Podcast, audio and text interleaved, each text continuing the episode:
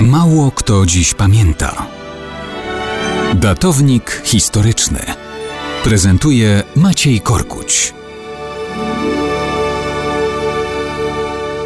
W Polsce jest już ponad milion uchodźców z ogarniętej najazdem Ukrainy. Opowiemy więc dzisiaj o kobiecie z odległych czasów, która także zasłynęła z opieki nad wdowami i sierotami i z podnoszenia kraju ze zniszczeń po najazdach. Wówczas to były najazdy tatarskie. Oto bowiem na początku marca 1234 roku urodziła się Kunegunda, córka węgierskiego króla Beli IV. Jej matką była Maria Lascaris, córka cesarza neapolitańskiego. Kunegunda? Mało kto kojarzy takie imię z Krakowem i Małopolską. Co innego, kiedy powiemy święta Kinga, bo właśnie w węgierskim brzmieniu jej imienia zapisała się w naszej historii i imię to zostawiła w Polsce potomnym. Kinga miała zaledwie 5 lat, kiedy została wysłana do Krakowa. Została zaręczona z księciem Bolesławem V, który w naszej historii znany jest pod przydomkiem Wstydliwy. Kinga była wychowywana przez matkę Bolesława Grzymisławę i jego siostrę Salomeę. Od nich uczyła się prawideł życia dworskiego,